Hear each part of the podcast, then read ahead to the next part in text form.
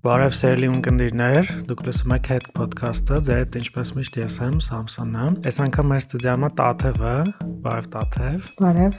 Մենք այսօր ունենք շատ հետաքրքիր թեմա եւ ընտրել ենք այս թեման, որովհետեւ վերաբերվում է այն բոլորին։ Խոսքը առողջապահության ոլորտի մասին է, որովհետեւ Տաթևը նուսաբանում է առողջապահական թեմաներ 2024 թվականից Հայաստանում կներդրվի առողջապահության համապարփակ ապահովագրություն։ Մի բան ասեմ, որ ամեն անգամ չկրկնենք, ուղղակի կասենք ապահովագրություն, դուք հասկացեք համապարփակ ապահովագրություն, կներդրվի այս համակարգը, ինչը իրենից ենթադրում է շատ տարբեր փոփոխություններ ու տարբեր բաներ։ Ըստ երևույթի մասնավոր ապահովագրությունը հանվում է ու լինում է մի հատ պետական ապահովագրություն, երևի լսած կլինեք, որ տարբեր եվրոպական երկրներում նման համակարգ կա, իրարից քիչ թե շատ տարբերվող, ու այսօր խոսելու ենք դրա մասին, այնպես որ մնացեք մեր հետ հետաքրքիր է լինելու, որովհետև լիքը նոր բան ենք իմանալու, անկեղծ ասած ես էլ լիքը բան չգիտեմ եւ այսօր եմ դրա մասին իմանալու։ Գնացինք։ Հետաքնող լրագրողներից հետ ոդկաստ։ Տաղթև երբ նախ սկսենք նրանից, թե փորձենք հասկանանք ինչ է նշանակում առողջապահության համապարփակ ապահովագրություն։ Ինքը ինչ է ենթադրում եւ ինչ փոփոխություններ պիտի լինեն իսկապես թեման հետաքրքիր է, պետք է ավելի լայն շերտերով բացենք, որովհետև հոդվածը միշտ չի որ կկարդան, այս դեպքում եկեք մանրամասն պատմենք։ Առողջապահական ապահովագրությունը, որը պետությունը ցանկանում է ներդնել, եթե շատ կարճ ու པարզ բացատրեմ, հիմա մենք ոնց գիտենք մեքենաների դեպքում, որ պարտադիր պետք է մեքենաներ պարտադիր մեքենաները պետք է ապահովագրեն, այս համակարգը ներդրվում է, բայց մարդկանց առողջությունը ապահովագրելու համար, ինչու է որոշում կայացվել այս համակարգը ներդնելու, քանի որ ըստ նախարարության հաշվարկների Հայաստանում շատ են մարդիկ աղքատանում հենց առողջապահական ծախսերի պատճառով, ուսումնասիրել են եւ ողրզել են, որ Հայաստանի բնակչության մոտ 9%-ի համար առօրյա ծախսերի 1/4-ը, այսինքն 25%-ը կազմում են հենց առողջապահական ծախսերը, ինչի հետևանքով նրանցից 6%-ը աղքատանում։ Այսպիսի տվյալներ է նախարարությունը ներկայացրել հիմնավորման մեջ եւ եկել այն եզրակացության, որ կարողանան աղքատությունը նաեւ նվազեցնել, բնակչությանը կարողանան հասանելի դարձնել, բնակչության լայն շերտերին հասանելի դարձնել հենց առողջապահական ծառայությունները ներդնեն այս համակարգը, ինչը ըստ նրանց գնահատման, այսինքն ակնկալվող արդյունք, որպես նշում են, որ մահվան դեպքերը կնվազեն, կյանքի միջին տևողությունը կշատանա, ինչ, ինչն էլ կբերի մարդկային կապիտալի զարգացմանը եւ տնտեսական աճին։ Սա նախարարության ձևակերպումն է։ Այսինքն հիմա եթե մարդ ինչ որ միտեղ չի աշխատում, չունի մասնավոր ապահովագրություն, ինքը առողջապահական ապահովագրություն կարելի ասել չունի, բայց այս համակարգի ներդրումից հետո բոլորը կունենան անկախ եկամուտից եւ բոլորը ինչ որ գումար կվճարեն դրա համար։ Այո, այդպես կլինի, բայց ֆինանսական բեռը տարբեր կերպ կբաշխվի աշխատող եւ չաշխատող քաղաքացիների համար։ Նախ համակարգի ներդրմամբ այն անձինք, ովքեր արդեն իսկ հիմա ունեն ապահովագրություն, միևնույնն է նրանք նույնպես դառնալու են այդ համակարգի շահառու, այսինքն չի լինելու այնպես, որ ով որ ունի մասնավոր ապահովագրություն դուրս է գալու համակարգից եւ օգտվելու այն ծառայություններից, որը առաջարկում է իր ապահովագրող ընկերությունը, այլ այդ համընդհանուր բազայում է ներգրավվելու։ Ինչն է լինելու, ինչպես է կատարվելու ֆինանսավորումը, նախ թեև առողջապահության նախարարությունը չի հստակեցնում, սակայն քննարկումներ եղել են դեռևս նախորդ տարի, երբ կազմավորման քննարկման փուլն է եղել, մշակվել են տարբեր փաթեթներ, նշվել է, որ աշխատող քաղաքացիները, որոնց վրա եւ ընկնելու է այս ապահովագրության հիմնական բեռը, պետք է իրենց աշխատավարձից 6% վճարեն, բայց 6%-ը լինելու է այսպես 3%-ը վճարում է քաղաքացին իր աշխատավարձից, 3%-ը գործատուն, ինչի ընդհանուր գոյանում է 6%։ Նախագծում որպես այդպեսին կոնկրետ հստակ թվեր նշված չեն, նշված է, որ հունիսին այս տարվա կհստակեցվեն թվերը, ինչ որ որոշումներ կկայացվեն, կամրագրվեն, բայց քննարկումների ժամանակ այդ թիվը հնչել է Ինչն է այստեղ հետաքրքիր, որ ստացվում է, որ Հայաստանում 19 թվականի վերջի տվյալներով աշխատում է բնակչության 21.6%-ը, ստացվում է, որ այդ բեռը հիմնական ընկնելու է նաև այդ քաղաքացիների վրա, քանի որ այն մարդիկ, ովքեր չեն աշխատում, ունեն հաշմանդամություն 18-ից ցածր են կամ նպաստառու են, նույնպես օգտվելու են այդ ապահովագրությունից, սակայն նրանց կախված եկամտի չափից, կարգավիճակից պետությունն է համաֆինանսավորելու, սակայն նաև գիտենք, որ պետության բյուջեն գոյանում է նաև հենց ինչ որ մասը հենց աշխատող քաղաքացիների վճարած հարկերից, այսինքն կրկնակի բեռը դրվում է հենց աշխատող այդ 21.6% գրանցված աշխատող քաղաքացիների վրա, ինչը նաև երևի թե ամենամեծ ռիսկերից մեկն է, թեև նախարարությունը հաշվարկել է, որ այս փաթեթը բերելու է նրան, որ աղքատությունը նվազի եւ տնտեսական աճ գրանցվի։ Օրինակ պատկերացնենք ինչ որ մեկը աշխատող գրանցված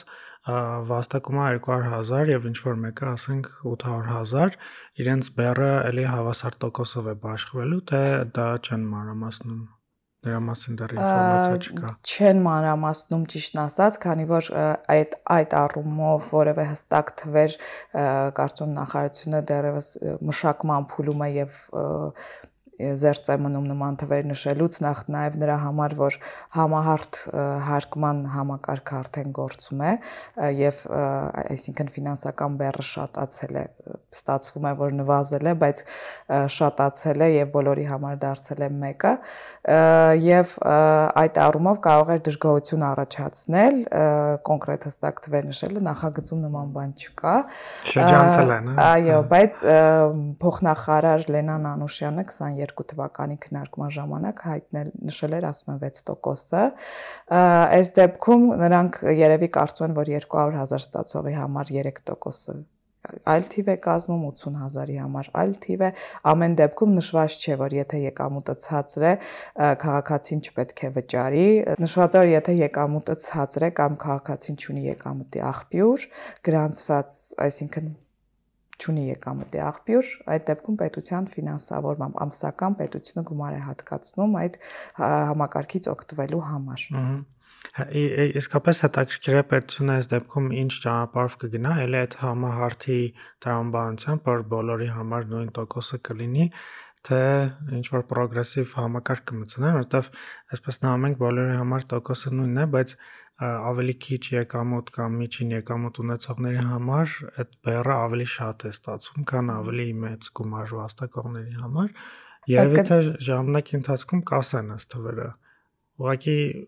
ըստ երևի թե այս ճանապարհով են գնալու, եթե միջև հիմա չան ասել մի հետաքրքիր փաստել նշեմ, որ Հայաստանում 18-ից բարձր քաղաքացիների համար, որոնք որ գրանցվել են նպաստառու որպես նպաստառու եւ սոցիալապես անապահով, այդ բնակչության տոկոսը կազմում է մոտ 17%, այսինքն աշխատող քաղաքացիների գրանցված 22%, չաշխատող մեծահասակ 18-ից բարձր անձինք 17%, այսինքն բավականին մեծ թիվ է եւ ինչպես դու սկզբում նշեցիր, այս համակարգը կա այլ երկրներում, ավելի զարգացած եվրոպական, բայց այնտեղ գրանցված աշխատողների ցուցանիշը շատ ավելի բարձր է, այսինքն բեռը չի կենտրոնացած բնակչության 1/5-ի վրա։ Մի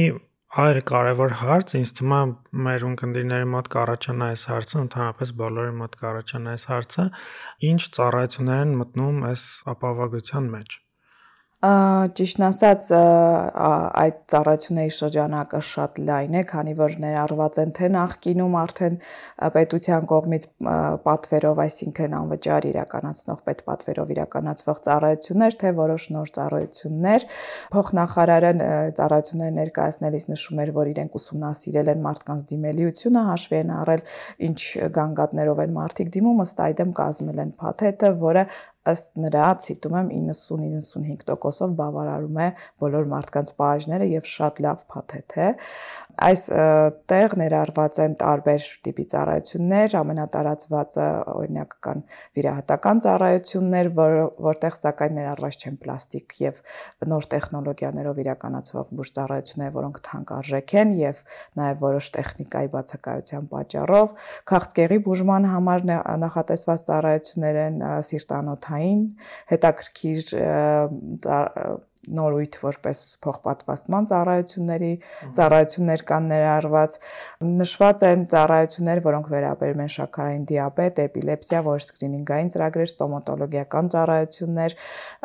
հղի կանանց տրամադրվող ծառայություններ, խնամքի հետ կապված պալիատիվ բժշկության եւ մի շարք այլ մոտ 30 անուն ծառայություն ներառված է, նաեւ լաբորատոր հետազոտություններ, սակայն դրանց չափը, այսինքն քանակը թե ում ինչքան կհասնի բնակչության տարբեր խմբերի համար տարբեր է կախված տարիքից եւ կախված թե մարդը ապահովագրված է, աշխատող քաղաքացի է, թե ոչ։ Գոյություն ունի պետ պատվեր հասկացությունը, չէ՞, որ պետությունը որոշ գումար է հատկացնում տարբեր առողջապահական ծառայությունները անվճար տրամադրելու համար, այս գաղափարը մնալու է, թե ինչ որ ձև փոխվելու է, թե ստացվում է ամեն ինչ պետ պատվեր է դառնում։ Շատ լավ, շատ կոպիտ ասենք։ Շատ լավ նշեցիր, որովհետև իրականում որ ուսումնասիրում ենք նախագծի հավելվածը, པարզ է դառնում, որ մի շարք ծառայություններ, որոնք ներառվել են եւ կարող է քաղաքացիների համար թվալ, որ դրանք շատ լավ ծառայություններ են եւ հիանալի է որ անվճար են, նախկինում են եղել անվճար։ Դա վերաբերում է օրինակ քաղցկեղի դեպքում չարորակ նորագոյացության վիրահատությունները, որոշ ճառագայթային ծառայություններ, դե, որոշ դեղեր, սիրտանոթային հիվանդությունների դեպքում նշված է ստենտավորման համար ստենտավորումը նշեմ, որ 15 թվականից Հայաստան ծրագիր է իրականացվում, երբ անհետաձգելի դեպքերում ստենտը անվճար է։ Միակ տարբերությունը այստեղ կարող եմ նշել, որ ապահովագրված քաղաքացիների համար մինչև 3 տեղապատ ստենտ, իսկ չապահովագրվածների համար 1։ Այնտեղ նաև տարբերություն կա ծախսերի մեջ, օրինակ քաղցկեղի դեպքում պետությունը ապահովագրված քաղաքացիներին հատուցում է տրամադրում ավելի մեծ չափով գումար, օրինակ 22 սեանսի հատուցում եւ 1.6 միլիոն դրամի համար բժշկական օգնություն եւ սպասարկումը հատուցում, իսկ չապահովագրված քաղաքացիների համար մինչեւ 10 սեանս եւ ավելի 10 անգամ ավելի քիչ գումար դեղերի համար հատուցումը 150000 դրամ։ Նշեմ, որ բոլոր գրեթե բոլոր փաթեթների համար մինչեւ 18 տարեկան քաղաքացիներ, այսինքն երեխաների համար ծառայությունները գրեթե, այսինքն բոլորը անվճար են եւ օգտվում են նույն ծառայություններից, ինչ ապահովագրված քաղաքացիները։ Նույնը օրինակ շաքարային դիաբետն է ներառված, որը Հայաստանում եւս տարածված է հիվանդությունների ցանկում նշում եմ, որ ինչպես նախկինում, այնպես էլ հիմա նրանք շարունակելու են դեղեր ստանալ, սակայն այստեղ էլ նույնպես ոչինչ չի փոխվել, նույն էպիլեպսիայի դեպքում ստոմատոլոգիական ծառայությունների մասով ասեմ, որ նշված է գիտենք, որ ստոմատոլոգիական ծառայությունները թանկարժեք են, փորձել են ներառել այս փաթեթի մեջ, սակայն շատ, այսպես ասած, չնչին ինչ որ մաս, օրինակ երկու ատամի վիրահատական հեռացում մինչև երկու ատամի Դա վերաբերում է թե ապահովագրված, թե չապահովագրված քաղաքացիներին։ Նաև փոխպատվաստման ծառայություններ կան, այստեղ 100%-ով այդ ծառայությունները ապահովում են միայն մինչև 18 տարեկան քաղաքացիներին, իսկ 18 տարեկանից բարձր անձինք, ովքեր ունեն ապահովագրություն, նրանց համար հատուցումը կազմում է 30%, չապահովագրված քաղաքացիք չեն օգտվում այդ ծառայությունից նրանց համար վճարովի է լինում։ Դու նշում ես, որ ապահովագրված եւ չապահովագրված քաղաքացիներին տարբեր ծառայություններ կլինեն, երբ որ այսպես կարդում ես, այնպեսի տպավորություն է ստեղծում, որ բոլորը պիտի ապահովագրված լինեն, բայց փաստորեն լինելու է էլի ապահովագրված եւ չապահովագրված, այդ ինչի հետ է կապված։ Ինչ թվում է նախ այսպես ասած երևի մարքեթինգային ինչ որ քայլ է, որ տպավորություն ստեղծվի, որ բոլորը հավասար համընդհանուր այսպես համապարփակ ապահովագրությունից են օգտվելու, քանի որ հիմնավորման մեջ էլ նշվում է, որ բնակչության աղքատության տոկոսը կնվազի, մահացության դեպքերը,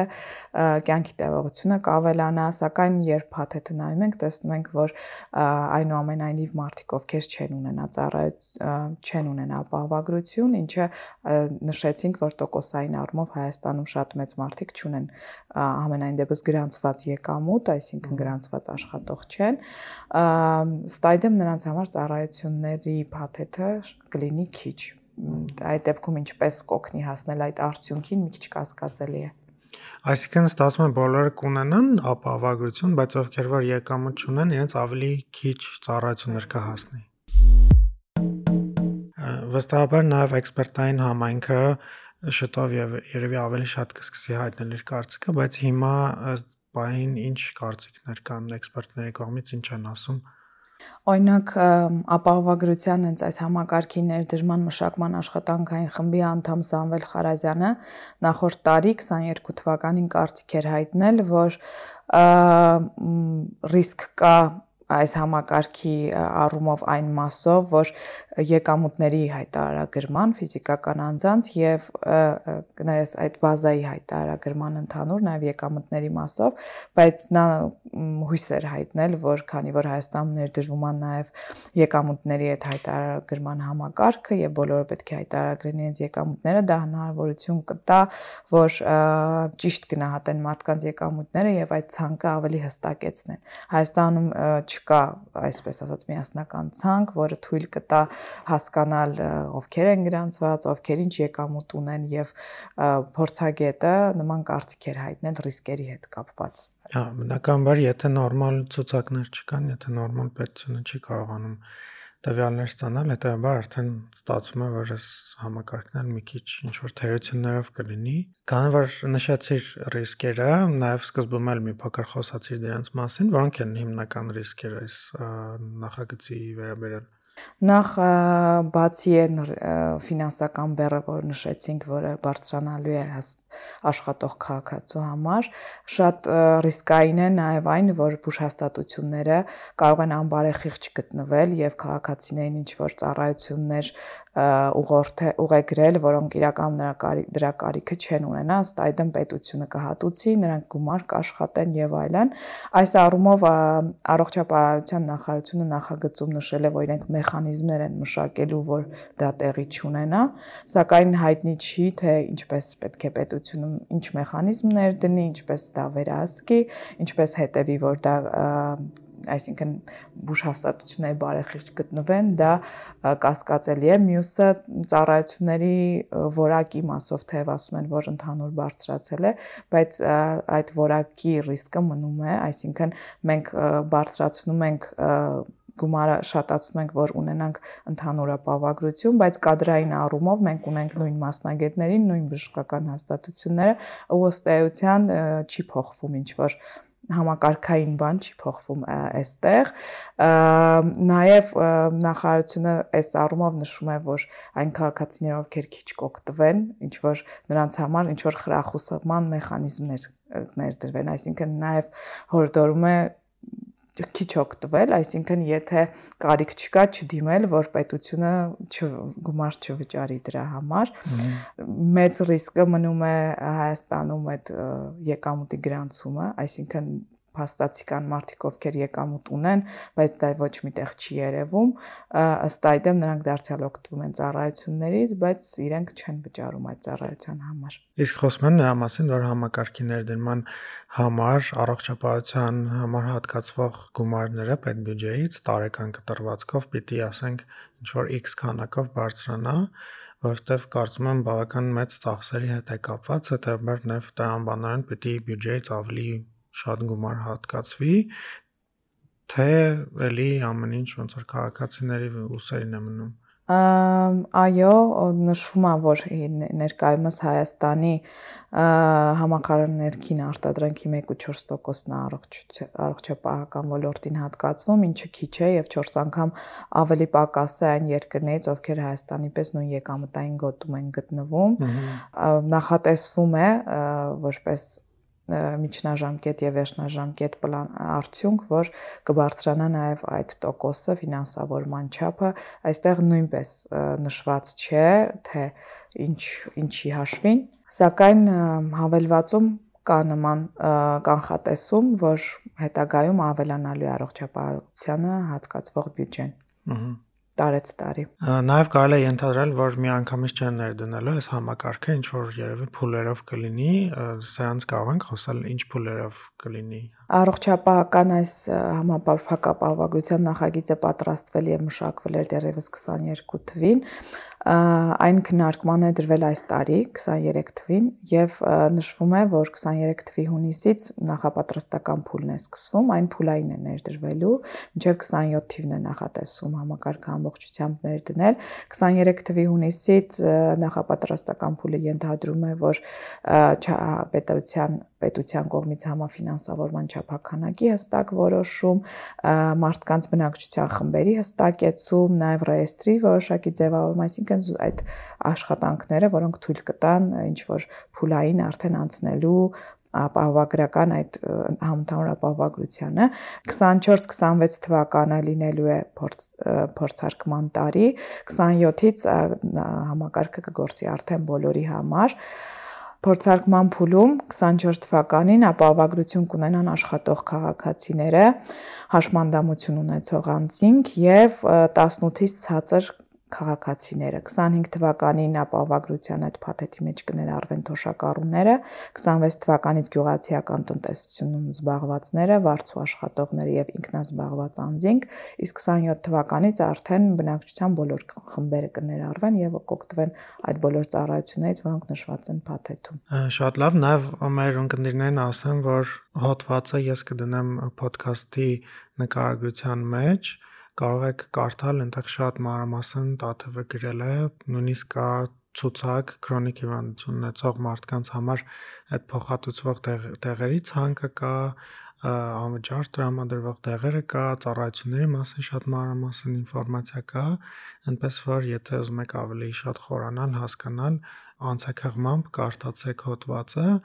եւ կարծում եմ Տաթև մինչեւ 2027 թվականը հնարավոր է փոփոխվի այս համակարգը։ Իհարկե հնարավոր է մշակվի ինչ որ կարծիքներ փորձագետների, կարծիքներ հաշվի առնեն, տեսնենք։ Շատ լավ, շնորհակալություն այդ ոդքասթին հյուրընկալելու համար։ Ես լավ շնորհակալ։ Այս էպիզոդի համար այսքանը, շնորհակալություն որ լսեցիք։ Ինչպես միշտ, միացեք մեր Facebook-յան խմբին, լսեք մեզ, բաժանորդագրվեք մեզ ոդքասթերին լսելու տարբեր հավելվածներում, օրինակ Apple Podcast, Google Podcast, Spotify եւ այլն։ Եվ այսքանը։ Շնորհակալություն, մինչ նոր թողարկում։ Լավ եղեք։